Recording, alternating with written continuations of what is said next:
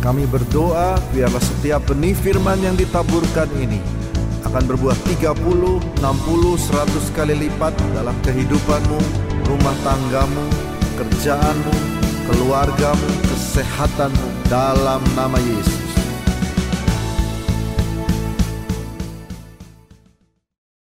Senang bisa berada di tengah-tengah Bapak Ibu eh, Saudara semuanya. Eh, perkenalkan sebelumnya nama saya Michael. Kalau ada yang belum kenal, saya eh, aktif di eh, volunteer di gereja ini sejak dari belum lahir kali ya. Papa Mama udah di sini. Terus aktif kembali di kepemudaan. Jadi memimpin anak-anak muda di JCC Youth. Sabtu ini ada ibadah kan ya? Teman-teman Youth bisa hadir di Sabtu ini. Dan puji Tuhan, Uh, saya sudah memiliki tiga orang anak. Rafael umur 4 tahun yang pertama, yang kedua uh, Joen umur 2 tahun dan yang ketiga namanya Selin baru 6 bulan. Dan puji Tuhan uh, semakin banyak anak, semakin banyak apa Bapak Ibu? Banyak repot. Jadi repot banget kalau punya tiga anak yang masih kecil-kecil gitu. Saking repotnya kalau misalnya beli popok pampers itu kalau dulu awal-awal cuma ukurannya S gitu ya. Kalau sekarang enggak, semua ukuran dibeli. S, M, L sama double XL dibeli semua. Dan kalau ke mana-mana sekarang repot karena ada tiga orang anak. Kalau dulu cuma bawa satu termos air panas gitu ya. Sekarang udah bawa tiga termos air panas. Saya pikir ini mobil apa warteg bahari gitu ya. Sampai termos tiga gitu. Dan juga uh, kalau lagi sakit nih, sekarang lagi sakit nih mereka. Kalau sakit itu ya nanti yang satu sakit flu, batuk, terus nularin giliran aja gitu dalam satu rumah. Ganti-gantian, itu repot banget kalau udah sakit. Dan kalau kasih makan tuh mesti satu-satu gitu. Saya lagi cari-cari mungkin Bapak Ibu ada yang tahu gak? Ada gak sih kayak pil gitu makanan langsung dimakan gitu. Biar simple dikasih minum jadi nggak usah kasih satu-satu. Dan oke okay, mungkin beberapa bulan ini kita udah belajar mengenai uh, setia dalam perkara kecil. Esau Albert sudah beberapa minggu menyampaikan ini mulai dari judul yang judul kalau misalnya Bapak Ibu lihat di YouTube ada judulnya Tuhan dari yang kecil. Kemudian juga ada lagi dari Tuhan yang sorry mukjizat dari hal yang kecil uh, di YouTube yang ada di Jesus Center Church. Uh, pagi hari ini saya akan sharing mengenai setia dalam perkara kecil. Bagi yang suka judul khotbah, saya kasih judul Start Small, Start Now. Seringkali kita uh, memiliki pemikiran bahwa untuk menyelesaikan perkara yang besar, masalah yang besar, dan juga persoalan yang besar, kita membutuhkan jawaban yang besar. Kita uh, membutuhkan kekuatan yang lebih besar juga untuk mengatasi masalah tersebut. Seringkali kita berpikir ketika kita memiliki perkara keuangan yang lagi sulit, yang besar, kita pikir untuk menyelesaikannya kita butuh uang yang lebih banyak, modal yang lebih banyak untuk menyelesaikan masalah keuangan tersebut. Seringkali kita berpikir kalau kita diperhadapkan dengan perkara bisnis, pekerjaan, proyek lagi sepi, sesuatu yang besar yang harus kita hadapi dalam bisnis. Seringkali kita berpikir kita butuh koneksi ke orang-orang yang lebih besar lagi, orang-orang pembesar untuk menyelesaikan masalah tersebut. Demikian juga dalam hubungan juga. Seringkali kita berpikir kalau masalah hubungan, baik yang suami istri, orang tua dengan anak, dengan pacar, sering kali kita butuh jawaban doa yang besar juga untuk mengatasi hubungan tersebut. Tetapi tahukah Bapak Ibu Saudara bahwa yang dapat membuka pintu yang besar itu hanya membutuhkan satu mata kunci yang kecil. Membuka pintu yang besar itu hanya membutuhkan apa? Satu mata kunci yang kecil untuk membuka pintu yang besar. Daud yang kecil, gimana saya tahu Daud itu orang yang kecil? Karena ketika dia disuruh memakai baju jiranya Saul, itu kebesaran. Maka saya tahu bahwa Daud itu kecil. Daud yang kecil mengalahkan Goliat yang besar, raksasa, hanya menggunakan batu umban yang kecil. Musa hanya membutuhkan tongkat yang lebih kecil daripada laut merah untuk membelah laut merah itu. Bahkan Bapak Ibu Saudara, Tuhan Yesus, Tuhan Yesus dalam Injil Matius, Markus, Lukas, dan Yohanes sering kali menggunakan hal-hal yang kecil. Seringkali menggunakan perumpamaan-perumpamaan yang sederhana. Perumpamaan apa coba yang paling sederhana? Garam dan terang dunia. Coba tuh, kurang sederhana gimana? Garam dan terang dunia, garam. Perumpamaan anak yang hilang, hal sederhana. Perumpamaan tentang seorang penabur. Perumpamaan gadis bijaksana dan gadis bodoh. Seringkali perumpamaan-perumpamaan yang digunakan adalah hal-hal yang kecil dan hal-hal yang sederhana yang ada di sekitar kita. Dia nggak pernah pakai perumpamaan, pakai istilah-istilah astronomi gitu, perbintangan dia juga nggak pernah pakai perumpamaan-perumpamaan yang bikin rumit gitu, aljabar, algoritma gitu ya, kayak programming. Nggak pernah pakai matematika juga, dia selalu pakai hal-hal yang sederhana. Hal-hal apa? Yang kecil. Ingat untuk membuka pintu itu, untuk membuka pintu yang besar, kita membutuhkan kunci yang kecil. Biarlah pagi hari ini kita akan belajar mengenai sesuatu yang kecil. Setia dalam perkara kecil dan bagaimana kita bisa setia dalam melakukan perkara-perkara yang kecil. Karena dari yang kecil ini bisa menjadi pembeda. Dari sisi hasilnya, nanti kita belajar. Nah sekarang kita mau buka dalam Markus 6 ayat 38 sampai 44. Izinkan saya bacakan Markus 6 ayat 38 sampai 44. Tetapi ia berkata kepada mereka, berapa banyak roti yang ada padamu? Cobalah periksa Sesudah memeriksanya mereka berkata lima roti dan dua ikan. Jadi ini perikop mengenai Tuhan Yesus memberikan makan kepada lima ribu orang. Lalu ia menyuruh orang-orang itu supaya semua duduk berkelompok-kelompok di atas rumput. Maka duduklah mereka berkelompok-kelompok, ada yang seratus, ada yang lima puluh orang. Jadi dibikin kelompok tuh, ada yang kelompoknya seratus orang, ada yang kelompoknya lima puluh orang.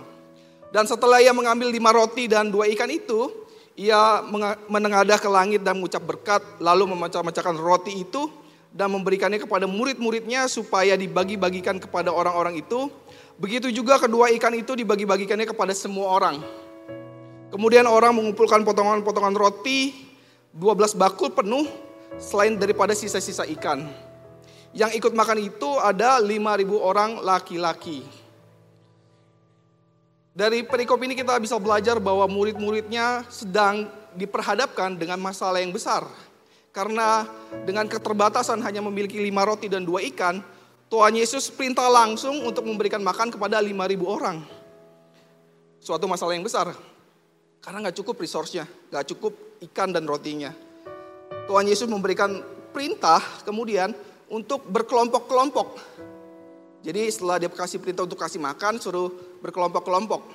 Ada yang satu kelompok 100 orang, ada yang satu kelompok isinya 50 orang. Nah pertanyaannya gini Bapak Ibu, kalau kita pelajari firman Tuhan, kenapa Tuhan Yesus menyuruh mereka untuk duduk berkelompok-kelompok?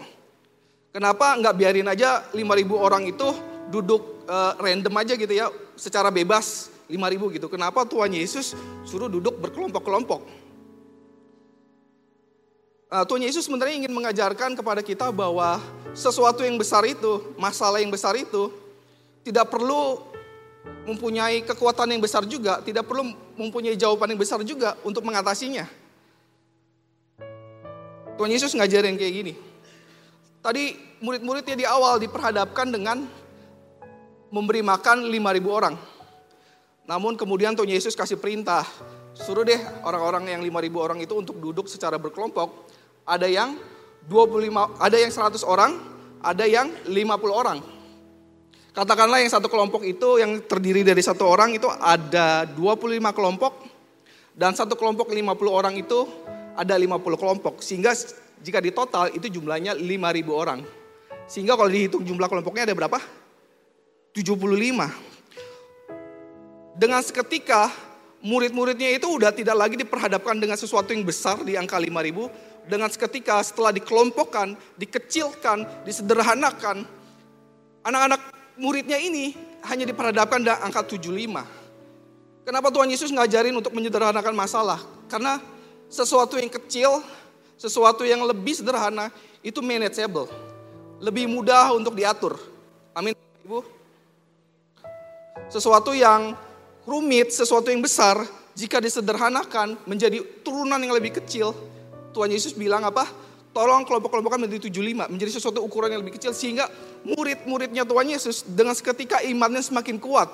Wah ini 75 hal yang mudah bagi kita. Kita tidak lagi diperhadapkan dengan angka 5000. Mengecilkan bukan berarti menyempelekan masalah, bukan. Tuhan Yesus mengajarkan mengkelompokkan, menyederhanakan masalah sehingga masalah yang kita hadapi bisa manageable. Sehingga kita punya iman yang bertumbuh, wah ini sepertinya bisa dijalankan ke depannya. Saya mau kasih sharing satu cerita, ini kejadian benar jadi jadi dua eh, seminggu yang lalu saya ada dinas keluar kota dari rumah ke bandara saya pakai layanan jasa taksi online. Uh, taksi online-nya warna hijau. Bisa tebak apa? Enggak, dua-duanya warna hijau kan yang ada. nah saya pakai taksi online, saya nggak mau endorse uh, ininya, apa mereknya. Nah, dalam perjalanan si supir taksi online ini cerita bahwa awal-awal dia menjadi supir taksi online itu berat sekali. Dia diperhadapkan dengan masalah biaya bensin, dia pakai pertalite yang mahal. Dan juga persaingan antara supir juga semakin ketat. Sudah banyak dan juga nggak sebanding antara jarak tempuh waktu dengan jarak harganya. Jadi waktunya satu jam tapi dia dapat penghasilan sedikit karena terlalu macet jalanan. Dia diperhadapkan dengan masalah seperti itu. Bahkan sering kali dia pulang harus tekor. Harus tekor gak bawa duit malah harus keluar duit buat bayar pertalite-nya dia. Sehari dia mesti bayar waktu itu cerita 260 ribu sehari untuk pertalite. Namun ada yang menarik dari cerita ini Bapak Ibu eh, Saudara dan teman-teman semua. Dia itu punya, menurut saya punya pemikiran yang lain daripada supir-supir taksi lainnya pada saat cerita dia bilang dianya tuh awalnya pengen punya mobil listrik. Saya pikir mobil listrik kan 600 juta, sekitar 600 juta lah mobil listrik yang Ioniq 5. Nggak mungkin seorang supir uh, taksi online untuk bisa beli itu. Dan dia jawab, iya pak itu memang nggak mungkin untuk bisa beli taksi online, untuk beli mobil listrik.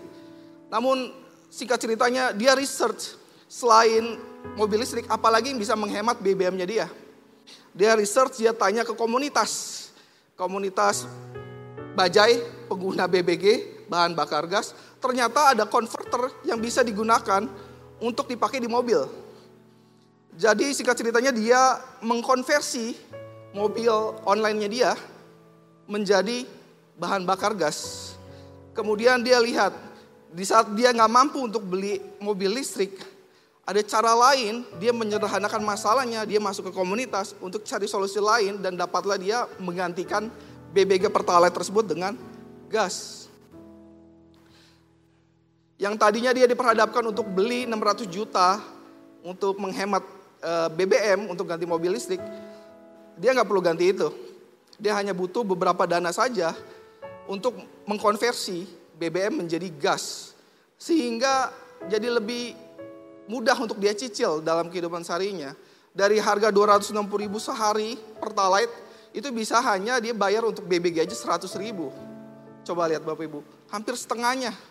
Hampir setengahnya dia memecahkan masalah itu. Dia nggak butuh mobil listrik lagi, dia hanya butuh konversi dari bensin ke BBG. Poinnya apa sih Bapak Ibu? Poinnya yang tadi, masalah yang besar nggak perlu harus diselesaikan dengan modal yang besar juga kesulitan yang kita hadapi, sering kali masalahnya itu datang dari sesuatu yang lebih sederhana. Ini saya sengaja saya foto Bapak Ibu. Jadi waktu pas saya turun, Papa saya mau foto. Emang bener Pak pakai BBG. Ternyata di bagasi belakangnya dibuka, itu belakang tabung itu Bu. Tapi bukan tabung 12 kilo ya. Itu mau kompor gas buat masak, tapi ini khusus untuk mobil. Jadi dia pasang untuk bahan bakar gas. 50 persennya dia bisa nabung. Jadi dari 250 ribu menjadi 100 ribu. Banyak perkara yang besar diselesaikan dengan perkara yang lebih sederhana dan lebih kecil. Kita buka dalam Lukas 16 ayat yang ke-10. Barang siapa setia dalam perkara-perkara kecil, ia setia juga dalam perkara-perkara besar. Kita baca sama-sama kali ya. 3, 2, 1. Barang siapa setia dalam perkara-perkara kecil, ia setia juga dalam perkara-perkara besar. Dan barang siapa tidak benar dalam perkara-perkara kecil, ia tidak benar juga dalam perkara-perkara besar. Dan sebenarnya pertanyaannya, bagaimana sih cara kita setia melakukan dan menyelesaikan perkara kecil yang Tuhan berikan dalam kehidupan kita, terkadang kita nggak sadar mengabaikan perkara-perkara yang kecil itu untuk berlalu. Terkadang kita nggak sadar Tuhan udah kasih sesuatu di tangan kita, cuman kadang-kadang kita ngambek. Kecil banget, gue mimpinya besar, saya mimpinya besar, kenapa Tuhan kasih ini? Saya mimpinya mau masuk kedokteran, kenapa Tuhan kasih masuk IPS? Saya mau punya proyek yang besar, tapi kenapa Tuhan kasih cuman bantuin orang di toko tertentu. Saya pengen punya pasangan yang lebih bagus, tapi kenapa Tuhan kasih yang kayak gini? Eh, tapi ntar dulu, Tuhan bilang apa? Barang siapa setia dalam perkara kecil, ia juga dalam setia dalam perkara-perkara besar. Jangan-jangan yang kecil di tangan kita tadi, itu akan membawa kita masuk menuju perkara-perkara yang besar. Jangan-jangan kalau kita belum pernah mendapatkan perkara yang besar, belum mendapatkan berkat yang besar, belum mendapatkan tua yang besar. Jangan-jangan kita juga belum setia dalam hal-hal yang kecil, makanya yang besar itu belum pernah datang ke dalam kehidupan kita. Bagaimana cara kita setia melakukan dan menyelesaikan perkara kecil yang Tuhan berikan dalam kehidupan kita? Mari kita pelajari dalam kisah orang buta yang disebutkan Tuhan Yesus. Bapak, Ibu, Saudara, Mungkin dari sebagian kita belum menyadari bahwa Tuhan Yesus itu melakukan mukjizat menyembuhkan orang buta lebih dari satu kali. Bisa tebak ada berapa kali menyembuhkan orang buta? Dua kali? No, dia menyembuhkan orang buta tiga kali. Di tiga peristiwa yang berbeda dan tiga orang yang berbeda juga. Kita lihat untuk bisa menjawab pertanyaan ini kita belajar dari kisah Tuhan Yesus menyembuhkan orang buta dari tiga kisah Tuhan Yesus menyembuhkan orang buta yang pertama di Betsaida. Nanti Bapak Ibu bisa cari di rumah di untuk pelajari kembali orang buta di Betsaida. Kemudian juga Tuhan Yesus menyembuhkan orang buta di Jericho. Ini orang yang berbeda lagi. Dan juga Tuhan Yesus menyembuhkan orang buta di Siloam. Sorry itu ada typo. Di Siloam. Tiga peristiwa, tiga cara yang berbeda untuk menyembuhkan, tiga hasil yang berbeda juga yang dihasilkan dari tiga cara tadi untuk menyembuhkan orang-orang buta ini. Nah kita mau belajar satu-satu. Kita belajar dari Tuhan Yesus menyembuhkan orang di Bethsaida, orang buta di Bethsaida. Dalam Markus 8 ayat 2 sampai 26. Capek juga ya baca. Ah, sebentar. Markus 8 ayat 22 sampai 26. Kemudian tibalah Yesus dan murid-muridnya di Bethsaida. Perhatikan Bapak Ibu, di situ orang membawa kepada Yesus seorang buta. Jadi di situ ada orang nih membawa kepada Yesus seorang buta. Dan mereka memohon kepadanya supaya menjamah dia. Lalu Yesus memegang tangan orang itu dan membawa dia keluar kampung. Lalu meludahi orang itu dan meletakkan tangannya atasnya dan bertanya, "Sudahkah kau lihat sesuatu?" Kemudian dia tanya, kemudian ayat selanjutnya, orang itu memandang ke depan lalu berkata, "Aku melihat orang sebab mereka berjalan-jalan tetapi tampaknya seperti pohon-pohon, kayaknya masih samar gitu ya, belum sepenuhnya pulih." Kemudian Yesus meletakkan lagi tangannya pada orang orang tua itu. Jadi seolah-olah kayak kurang ampuh gitu ya. Yang pertama pas diludahin, uh masih samar-samar. Akhirnya dia pakai tangan. Pas dipakai tangan, Yesus meletakkan lagi tangannya pada orang itu, maka orang itu sungguh-sungguh melihat dan telah sembuh. Sehingga ia dapat melihat segala sesuatu dengan jelas. Sesudah itu Yesus menyuruh dia pulang ke rumahnya dan berkata, jangan masuk ke kampung. Ini adalah Tuhan Yesus menyembuhkan orang buta di Bethsaida. Kita maju lagi ke peristiwa yang kedua, Tuhan Yesus menyembuhkan orang buta di Jericho. Banyak banget lagi ayatnya, saya baca lagi ya. Lalu tibalah Yesus dan murid-muridnya di Jericho. Dan ketika Yesus keluar dari Jericho bersama dengan murid-muridnya dan orang banyak yang berbondong-bondong, ada seorang pengemis yang buta bernama Bartimeus, anak Timeus, duduk di pinggir jalan. Ketika didengarnya bahwa itu adalah Yesus orang Nazaret, mulai ia berseru. Perhatikan Bapak Ibu, mulai ia berseru. Yesus anak Daud, kasihanilah aku. Banyak orang menegurnya supaya ia diam. Namun semakin keras ia berseru, anak Daud, kasihanilah aku. Lalu Yesus berhenti dan berkata, panggillah dia. Mereka memanggil orang buta itu dan berkata kepadanya, kuatkan hatimu, berdirilah dan ia memanggil engkau. Lalu ia menanggalkan jubahnya, ia segera berdiri dan pergi mendapatkan Yesus. Tanya Yesus kepadanya, apa yang kau kendaki supaya aku perbuat bagimu? Jawab orang but orang buta itu, Rabuni supaya aku dapat melihat. Lalu kata Yesus kepadanya, pergilah imanmu telah menyelamatkan engkau. Pada saat itu juga perhatikan, melihatlah ia orang buta yang di Jericho. Lalu ia mengikuti Yesus dalam perjalanannya. Kita baca dulu aja. Ini adalah orang buta yang kedua yang disembuhkan di Jericho oleh Tuhan Yesus. Yang ketiga. Hmm, masih banyak ayatnya. Yohanes 9 ayat 1 sampai 7. Waktu Yesus sedang lewat, ia melihat seorang yang buta sejak lahir. Ini adalah orang buta yang disembuhkan di Siloam. Murid-muridnya bertanya kepadanya, Rabi siapakah yang berbuat dosa? Orang ini sendiri atau orang tuanya? Sehingga ia dilarikan buta. Jawab Yesus, bukan dia dan juga bukan orang tuanya. Tetapi karena pekerjaan-pekerjaan Allah yang harus dinyatakan di dalam dia. Kita harus mengerjakan pekerjaan dia yang mengutus aku selama masih siang. Akan datang malam di mana tidak ada seorang pun dapat bekerja. Selama aku di dalam dunia, aku terang dunia. Lompat aja ya, capek. Kayat yang ketujuh. Dan berkata kepadanya, pergilah basuhlah dirimu dalam kolam siloam. Bisa kepikir gak Bapak Ibu orang buta nih. Ngobrol sama Tuhan Yesus terus untuk disembuhkannya. Lu pergi ke siloam. Kan dia buta ya. Siapa yang nuntun gitu maksudnya. Dari perjalanan dia ngomong sama Tuhan Yesus sampai ke kolam siloamnya gitu. Tapi herannya ini orang buta mau gitu untuk disuruh Tuhan Yesus sudah mandi ke kolam Siloam. Akhirnya orang buta ini mandi ke, ke kolam Siloam, membasuh dirinya. Dan perhatikan ayat terakhir, ia membasuh dirinya lalu kembali dengan matanya yang sudah melek. Dari dari tiga peristiwa yang tadi kita baca, udah nangkap Bapak Ibu perbedaannya.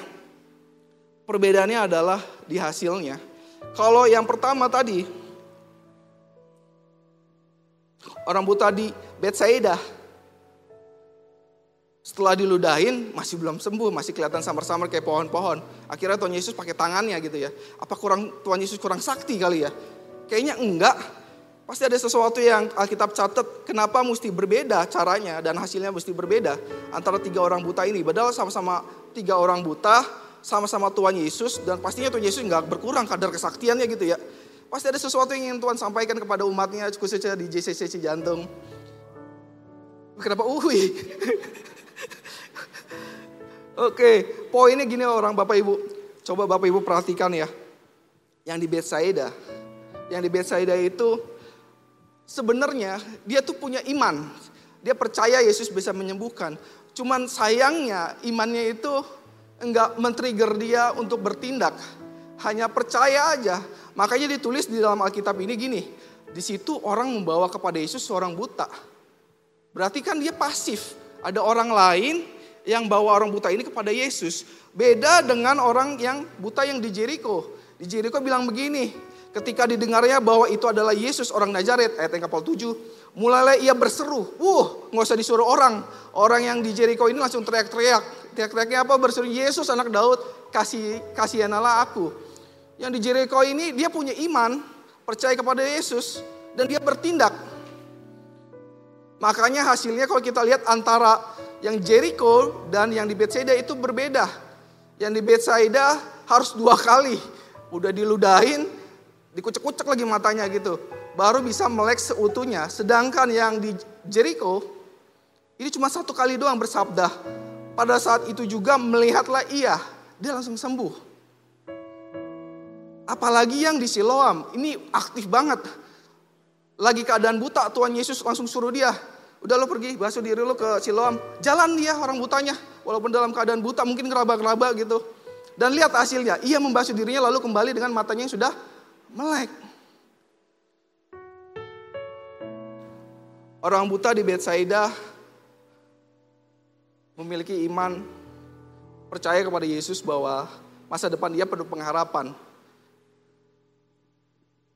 Gue akan bisa punya pasangan yang lebih baik gue punya kuliah yang lebih baik, punya bisnis yang lebih baik. Cuman sekedar iman percaya aja.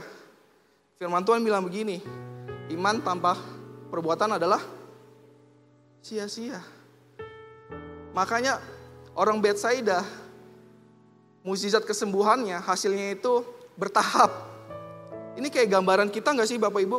Kita sering kali percaya kepada Tuhan Yesus, mengaminkan setiap janji firman Tuhan setiap bangun pagi gitu. Tapi terkadang ketika menghadapi kehidupan, ketika berjalan, kita tuh pasif banget. Cuma bilang, ya saya percaya Tuhan Yesus akan berkati kita, Tuhan Yesus akan menjadikan kita kepala dan bukan ekor. Kita akan terus naik dan tidak turun. Tapi dalam setiap kehidupan kita, kita santai banget. Nggak ada tindakannya gitu, uncang-uncang kaki gitu.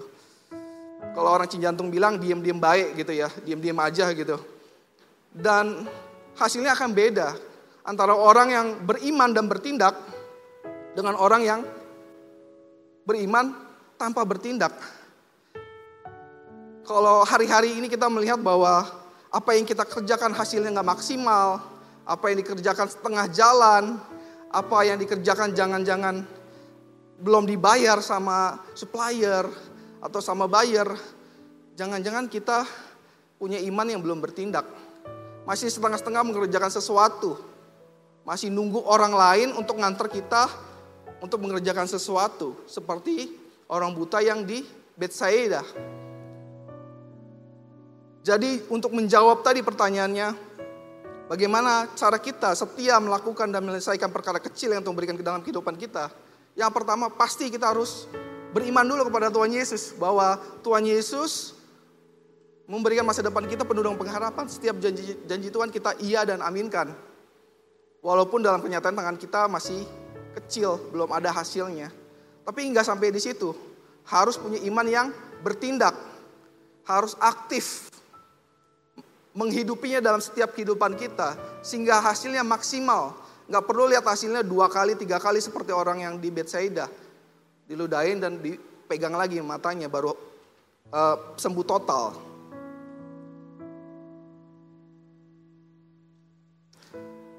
Kemudian jawaban selanjutnya terkait bagaimana cara kita setia melakukan dan menyelesaikan perkara kecil yang Tuhan berikan dalam kehidupan kita.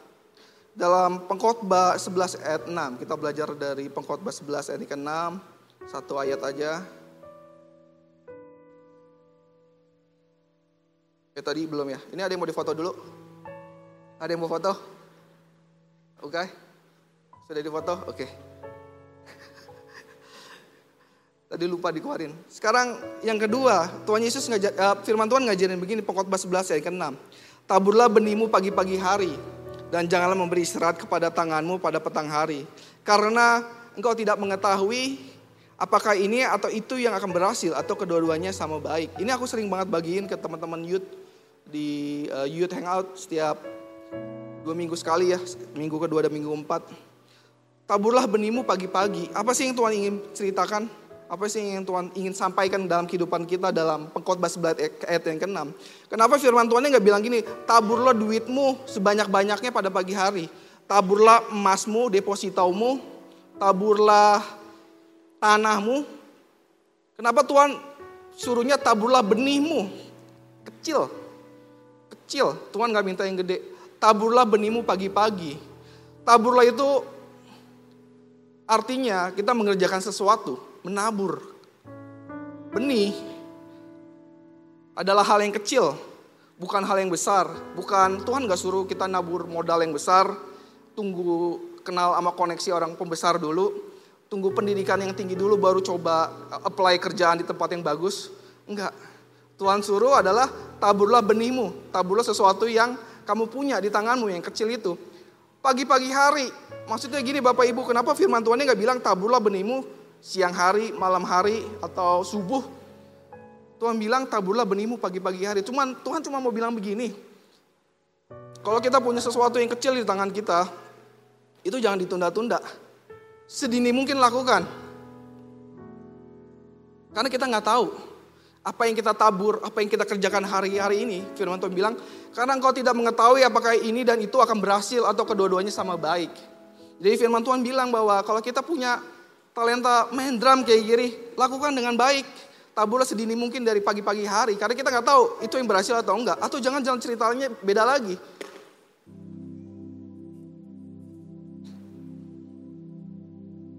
Karena orang yang menunggu dan hanya memperhatikan tindakan, dia hanya cuma perhatiin doang, tidak akan menuai apa-apa. Firman Tuhan bilang jelas. Aku cuma closing gini aja Bapak Ibu. Tuhan melatih respon kita dari hal-hal yang kecil dan sederhana. Jadi ketika Tuhan percayakan sesuatu yang kecil, sebenarnya Tuhan tuh lagi ngelatih responnya kita. Kita mau buang apa enggak tuh benihnya? Atau kita kerjakan sebaik mungkin. Kalau kita cuma bisa ngajarin anak kecil, kerjakan itu sebaik mungkin. Sampai anaknya pinter. Kalau kita cuma bisa bikin kue, bikin kue yang paling bagus, paling enak. Jangan-jangan itu yang membawa kamu dari tempat satu ke tempat yang lainnya. Ketemu dari bayar satu ke bayar selanjutnya. Taburlah benihmu pagi-pagi, taburlah sedini mungkin, jangan tunggu-tunggu. Pakai iman yang bertindak seperti orang buta yang di Jericho dan di Siloam. Jangan seperti yang di Bethsaida, imannya ada, cuman gak bertindak, hasilnya gak maksimal. Mesti dua kali dulu baru sembuh total. Mesti kerja capek dulu sampai larut malam baru dapat hasil. Kalau hari-hari ini kita belum pernah mengalami dan merasakan berkat yang besar, perkara yang besar, belum merasakan menuai panen yang besar, belum merasakan anak kita menjadi berkat buat kehidupan kita dari pekerjaannya. Jangan-jangan firman Tuhan bilang, kita belum setia dalam perkara yang kecil. Belum memiliki iman disertai dengan tindakan. Belum menabur benih dari pagi hari-hari, dari pagi pagi hari dan tidak memulainya dari sekarang, selalu menunda. Uh, saya closing satu ayat aja ini ayat favorit saya juga saya berikan juga sering di teman-teman youth tentang seekor cicak. Ini ayat yang favorit banget dan sering saya bagiin. Amsal 30 ayat 28 ayat favorit saya. Cicak yang dapat kau tangkap dengan tangan tetapi yang juga ada di istana raja. Kalau saja cicak ini kita ajak datang ke sini nih kita interview rame-rame. Kita dan kita tanya cicaknya, cicak-cicak apa sih yang kamu lakukan sehingga kamu bisa di istana-istana raja. Bukankah kemarin kamu ada di rumah penduduk orang biasa? Paling cicak ini akan menjawab, sebenarnya aku nggak ngelakuin apa-apa sih. Aku cuma lakuin apa yang aku bisa. Apa sih yang cicak bisa lakukan?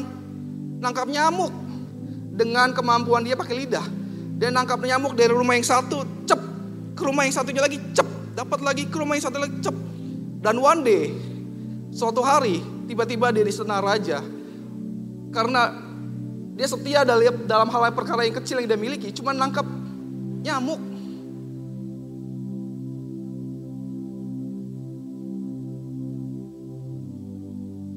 Apakah kita hari-hari ini udah belajar dari cicak ini? Dari setiap benih yang Tuhan udah kasih walaupun belum kelihatan hasilnya. Dari setiap benih yang kita tabur buat anak-anak untuk mereka sekolah dan kita belum lihat hasilnya. Apakah kita melakukannya dengan iman yang bertindak? Apakah kita melakukannya sedini mungkin?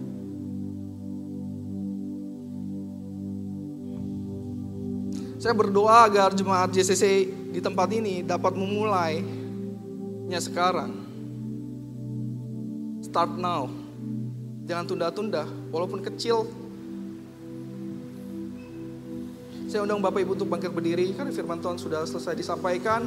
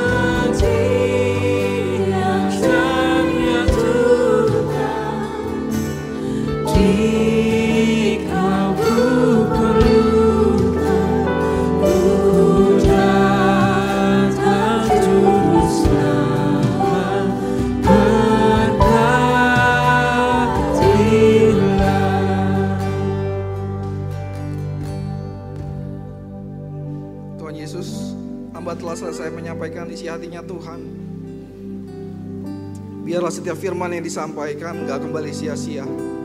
Biarlah firman ini menjadi benih dan ditanam di tanah yang subur dalam setiap hati kami.